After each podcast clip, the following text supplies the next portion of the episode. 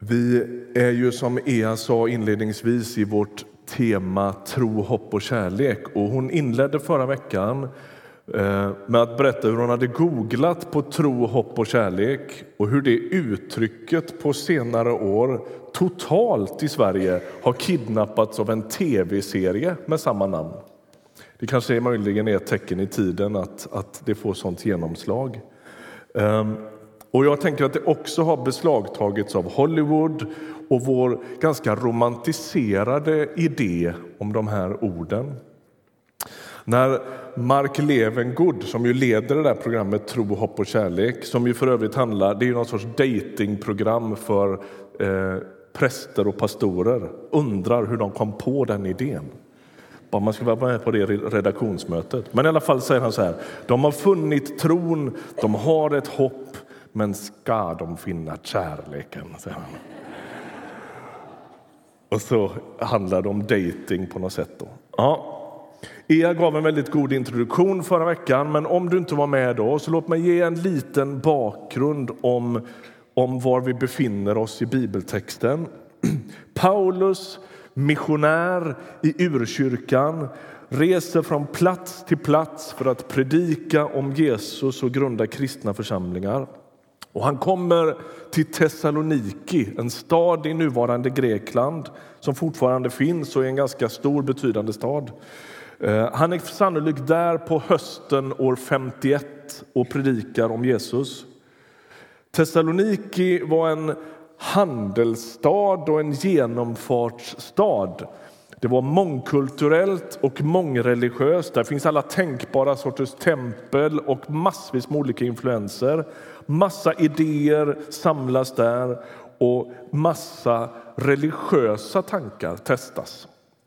I, I romarriket under urkyrkans tid så finns det ju en uppsjö gudar att välja mellan och tempel i varenda gathörn, också i Thessaloniki. Och när Paulus kommer dit och predikar så är det till en väldigt spretig och pluralistisk stad som, som han kommer. Och när de hör budskapet om Jesus för första gången så händer flera olika saker samtidigt. Han går till synagogan och predikar för judarna. Det är hans vana. Han brukar göra så eh, när han kommer till en ny plats. Några kommer till tro en del judar kommer till tro och en del hedningar, alltså icke-judar, kommer till tro på Jesus. Och så står det i Apostlagärningarna att en del judar ställer till med ett upplopp.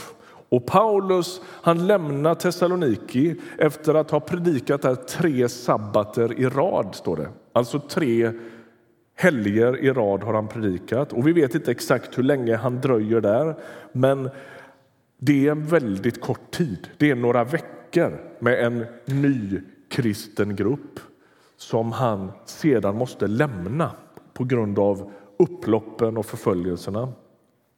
Församlingen är alltså jätteung och de, några nykristna människor där utgör liksom hela den kristna gemenskapen på den här platsen. Ehm, och så får han en rapport ganska snart efter detta. Han är oroad över hur det har gått. Han skickar dit sin medarbetare Timoteus som lämnar en väldigt positiv rapport. Det går bra för den unga församlingen och de växer i tron på Jesus. Och nu ska vi läsa hela det första kapitlet i Thessalonike, första Tess 1 alltså. Från Paulus, Silvanus och Timoteus till församlingen i Thessalonike som lever i Gud Fadern och Herren Jesus Kristus. Nåd och frid. Vi tackar alltid Gud för er alla och nämner er ständigt i våra böner. Vi tänker på vad ni uträttar i tron, hur ni uppoffrar er i kärleken och hur ni håller ut i hoppet till vår Herre Jesus Kristus inför Gud, vår Fader. Gud älskar er bröder och vi vet att han har utvalt er. Vårt evangelium kom inte till er bara som ord utan också med kraft och helig ande i fullt mått. Ni vet ju vad vi förmådde göra bland er för er skull och när ni hade tagit emot ordet då följde ni vårt exempel och därmed Herrens eget under många lidanden med den glädje som den helige Ande ger så har ni också blivit ett föredöme för de troende i Makedonien och Akaja. Ni har fått Herrens ord att höras, och inte bara i Makedonien och Akaja. Överallt har man hört talas om er tro på Gud, och vi behöver inte säga någonting. Alla berättar av sig själva om vad vårt besök hos er ledde till, hur ni vände er från avgudarna till Gud för att tjäna den levande och sanne guden och vänta på att hans son, som han har uppväckt från de döda, ska komma från himlen, Jesus som räddar oss från den stundande vreden. Det är hela första Thessalonikerbrevets första kapitel. Och precis som Ea var inne på förra veckan så är poängen med vår serie att till de här tro, hopp och kärlek liksom notera att när Paulus talar om detta så knyter han ett verb till varje. Och idag ska vi stanna en stund inför att uppoffra sig i kärleken. Vad är det som gör att evangeliet eller vad är det som bevisar på något sätt att evangeliet har fått fäste bland de här människorna? Det är inte dogmerna eller lärarna i första hand, även om de naturligtvis är jätteviktiga. Utan det är just det där uttrycket, vad de har uträttat i tron, hur de har uppoffrat sig i kärleken och hur de håller ut i hoppet. Och jag tänker att kanske skulle vi coacha Migrationsverket i hur man, vad det finns för kännetecken på en sann kristen. Det är inte kunskapstest som är grejen. För Paulus verkar det vara så att ska man bedöma riktigheten i en omvändelse, då är det här någonstans det avgörs. Vad uträttas i tron? Hur uppoffrar man sig i kärleken? Hur håller man ut i hoppet? Där någonstans avgörs det om det har tagit. Liksom. Calvin, en av de stora reformatorerna på 1500-talet, han påstod att det är den här trion, vad man uträttar i tron, hur man uppoffrar sig i kärleken, hur man håller ut i hoppet, som är själva koncentratet av att vara en kristen. Och Paulus verkar hålla med. Eller vem som håller med vem, det borde ju vara tvärtom, men ni fattar. Jag vet inte om ni känner igen uttrycket kärlek är ett verb. Har ni hört det någon gång? Love is a verb. Det är det ju inte rent tekniskt. Vi har ju språkvetare här som kan berätta att så är det ju inte. Men när det gäller kärlek så är det viktigt med kärlekens grammatik. Om vi tänker på kärleken som bara ett substantiv, någonting som man antingen har eller inte har, något som man kan liksom ha, liksom äga, då blir det lite stumt. Man kan erövra den, man kan bli av med den, man kan träffas av den, man kan drabbas av den och man kan hastigt mista den. Känner ni igen hur det är så vår kultur talar om kärlek? Man drabbas av den stora kärleken. Om kärlek är ett substantiv är den liksom utom mitt, min kontroll. Men om kärleken är ett verb, om du bara sitter här och tänker så här, nu är det ju söndag och jag har gått i skolan hela veckan och så kommer hit och står det en flan och pratar substantiv och verb. Poängen är den här, kärlek är inte något man har, kärlek är något man gör. Det är grejen. Det är inte så mycket en fråga om hur det känns, utan snarare vad man uträttar. Kärleken är alltid på väg, den har alltid en riktning. Den är inte statisk och som en ägodel, utan den är mer som en sorts rörelse som jag kan bli en del av. En kraft som suger in mig, inte, inte på ett sorts romantiskt förälskelsevis nödvändigtvis, i alla fall inte bara. Utan det sitter djupare än så. På senare år har man använt eh, ett begrepp som jag tänkte att vi skulle cirkla runt en liten stund. Man har talat om västerländska människor som slacktivister. Har ni hört det uttrycket? Slacktivists. Det är ett, en sorts kombination av två ord. Slackers, det är slöfockar, och aktivister. Märklig kombo, eller hur? Man kan ju inte vara både och. Jo, nu för tiden kan man det. Det är det som är det fina. Sociala medier har gjort det möjligt för oss att vara aktivister utan att röra på oss en enda millimeter. En slacktivist ehm, det är någon som visar någon sorts engagemang utan att det kräver någon som helst ansträngning från vederbörande sida. Till exempel, man profilerar sig som omsorgsfull och samhällsmedveten på sociala medier utan att någonsin göra något. Känner ni igen det? Vi, det vi gör på sociala medier det är ju att vi i väldigt stor utsträckning bygger en sorts um, image eller ett varumärke. Jag är en sån här kille som gillar detta eller upprörs över det här eller skickar liksom någon sorts Eh, små röda hjärtan åt det här hållet. Så, va? Så funkar det. Och det där blir en sorts eh, märklig, märkligt imagebygge. Charlotte Robinson hon är kommunikationsforskare. Hon säger så här, håll i hatten nu. Vi känner oss som goda människor eftersom vi har visat en form av samhällsmedvetenhet. Men sanningen är att vår nya form av aktivism, vår slacktivism tillåter oss att vara lata, fega och dessutom må bra av det.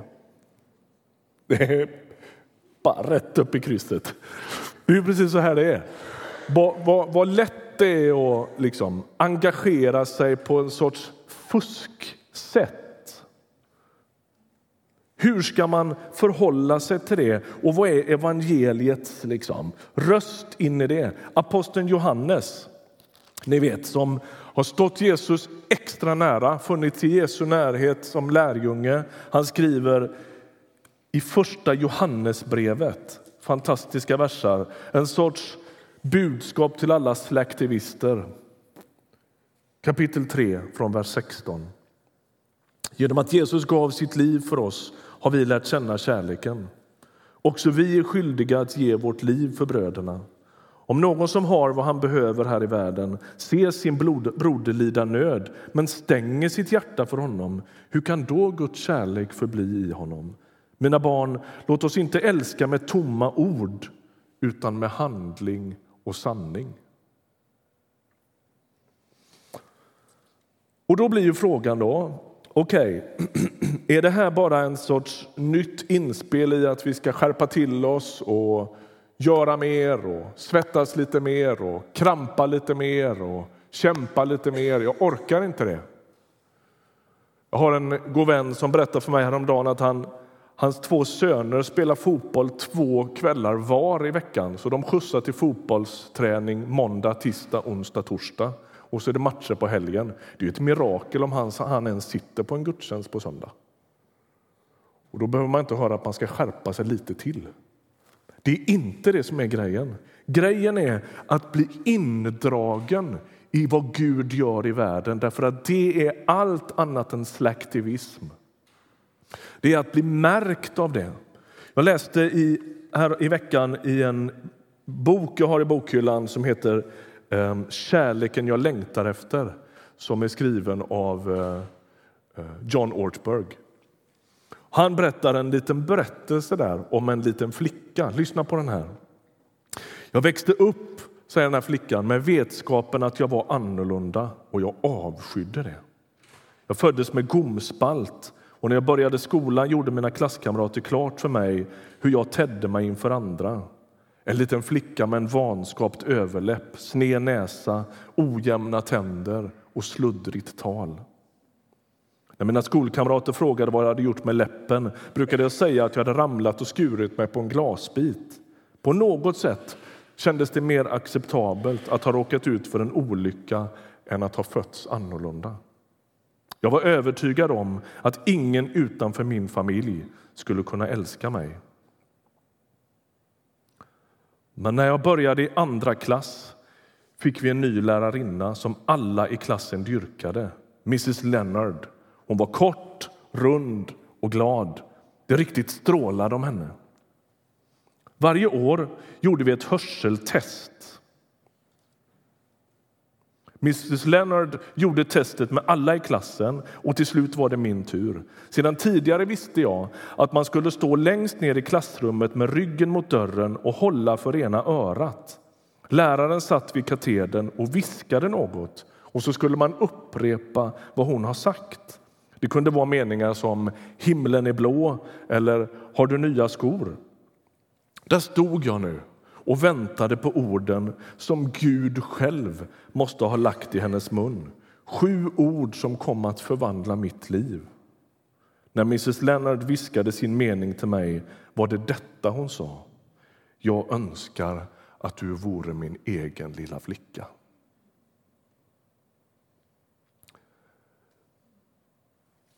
Det är som om mänskligheten står där med ryggen mot väggen full av skam känsla av att det inte duger, att det inte räcker, skuld, förnedring. Och så ropar eller viskar Gud in i varje människas liv. Du är älskad. Du är sedd. Du är min. Du är förlåten. Du är upprättad. Jag springer dig till mötes. Jag önskar att du vore min. Om du vill det så är du det nu. Är ni med? Det är där det börjar. Det är där det börjar. Allt har att göra med att jag liksom... Det är som om Gud rör i en stor kärleksgryta och jag blir indragen i den virveln. Jag får del av den kärleken, jag får märkas av den kärleken. Jag får, jag får chockeras av hans godhet. Och så drar han in oss i det och så viskar han jag vill att du är min. Jag vill bota dig från din skam. Jag vill förlåta dig din skuld. Jag vill älska dig hel. Och så kan Paulus, som har varit med om detta som har mött Jesus till förvandling. Denna människa full av hat. Krigisk, modisk, våldsam, hatisk möter Jesus och så kan han säga så småningom Kristi kärlek lämnar mig inget val. Eller i den gamla översättningen stod det Kristi kärlek tvingar mig. Det ska inte förstås som någon sorts tvång, ungefär som när man inte får gå från bordet förrän man har ätit upp ärtorna. Liksom. Det är inte det. Utan det är, ett, det är en sorts inre kraft, en sorts inre driv där Gud drar oss in i sin kärleksrörelse i världen och jag erfar den för att kunna ge den. Paulus har gjort erfarenheter av Guds villkorslösa och chockerande kärlek och det där har förändrat honom på djupet. Den där insikten att han är älskad av Gud själv får honom att leva annorlunda. Kärleken är inte glasyr som vi lägger på, uppe på allt det som vi ändå redan skulle gjort. Ja, Okej, okay, just det, jag måste komma ihåg att det ska ske kärlek också. Det är inte riktigt så. Utan det är själva motorn, själva drivet, själva kärnan i att kunna fungera i relationer. Att älska. Och då kommer vi nu då till denna, vi kommer inte undan det här. Kärleken har med någon sorts uppoffring att göra. Med hårt arbete att göra. I någon bibelöversättning står det, eller här läste vi ju hur ni uppoffrar er i kärleken. I någon annan står det hur ni arbetade i kärleken. Alltså det finns en sorts slit som har med kärlek att göra. Alla som alla vi har ju på ett eller annat sätt levt i någon sorts familj, vår egen ursprungs eller någon vi har fått, hur den ser ut. Ni vet hur jag menar. Man sitter uppe och väntar på sina barn som kommer hem så sent att man inte vågar gå och lägga sig. Och det är inte på grund av någon sorts kontrakt man har ingått eller någon plikt, utan man kan ju inte riktigt låta bli. Det är kärleken som offrar sig. När Bror och Rigmor som är med här i församlingen engagerar sig i unga män från Afghanistan så ser vi någon sorts oro, omtänksamhet och omsorg som liknar föräldrars. De är födda i en helt annan del av världen, de här pojkarna. men det är som att de har blivit deras pojkar. Det är ju precis det där. Att uppoffra sig i kärleken. En kärlek utan arbete eller uppoffring blir sentimental. Och Det är aldrig Bibelns förståelse av kärlek. I Bibelns texterna är kärleken alltid väldigt konkret. Den utgörs, uttrycks först och främst i handling. Några av våra mest kända bibeltexter handlar precis om det här. Va? Gud bevisar sin kärlek till oss genom att Kristus dog för oss medan vi ännu var syndare. Alltså det uttrycks i en handling. Så älskade Gud världen att han gav sin enda son. Och det är när vi kommer i närkontakt med den urkraften, Guds kärlek, Guds godhet, som våra liv vänds rätt.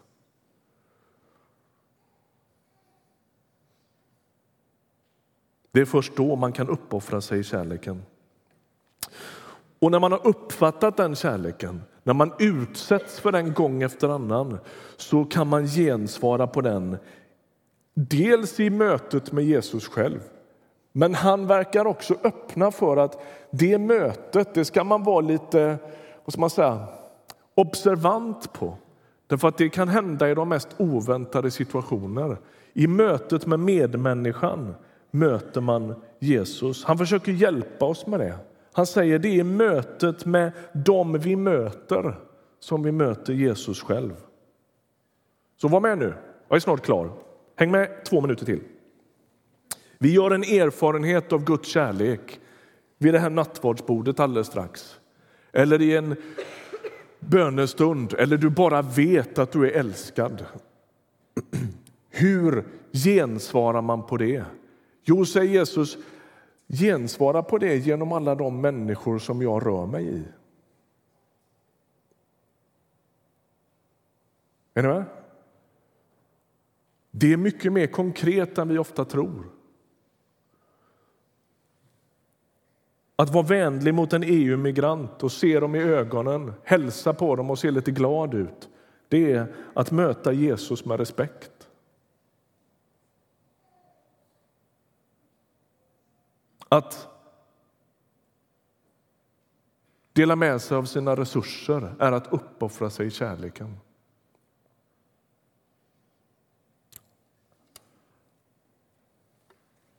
Det är som om den där virveln den har rört sig i hela evigheten. Gud är kärlek. Och så skapar han världen så att hela jorden snurrar i den där virveln. Och så inbjuder han dig och mig att finnas med i den. Och det gör man inte genom att rycka upp sig, det gör man genom att utsätta sig för Guds chockerande godhet. Och när man gör det så är det som att man blir del av en sorts ekosystem som har med mottagande och utgivande att göra. Vi ger oss till andra människor. Vi är generösa med andra människor. Vi älskar andra människor. Vi möter andra människor med respekt därför att det är ett gensvar på att han har visat sin kärlek till oss genom att dö för oss medan vi ännu var syndare. Det vi är med om när vi utgör Guds församling det är Guds kärleksrevolution. Han har märkt ett helt folk i varenda tidszon, i varenda folkgrupp, i varenda språk så småningom som är med och utgör det folket. Och Allt handlar om att han blåser sin godhet, sin närvaro, sin nåd över människan som gensvarar på det genom att sprida den där man går fram. Så när vi går in i nattvardsstunden nu så inbjuds du till den till det ekosystemet där man tar emot och ger ut. Där man blir en del av Guds kärleksgärning på jorden. Låt oss be tillsammans. Jesus Kristus, vi tackar dig för att du finns och rör dig i våra liv. Tack att det aldrig sker utifrån någon sorts belöningssystem utan utifrån din godhet och din nåd. Tack att du inte ger upp med människan. Tack att du inte vänder ryggen åt oss utan tack att du öser av ditt goda över oss. Tack att du har bevisat din kärlek till oss genom att dö för oss medan vi ännu var syndare. Tack att din kärlek är oomtvistlig. Vi ber att få del av den. Vi ber att få märkas av den. Och vi ber att vi skulle bli som du, du som älskar och ger. Älskar och ger, älskar och dör. Märk oss, Jesus. Rör vi oss. Bota våra låsningar, bota vår skam, bota vår egoism. Låt oss få leva på ett sätt så att våra liv luktar av den offrande Jesus. Amen.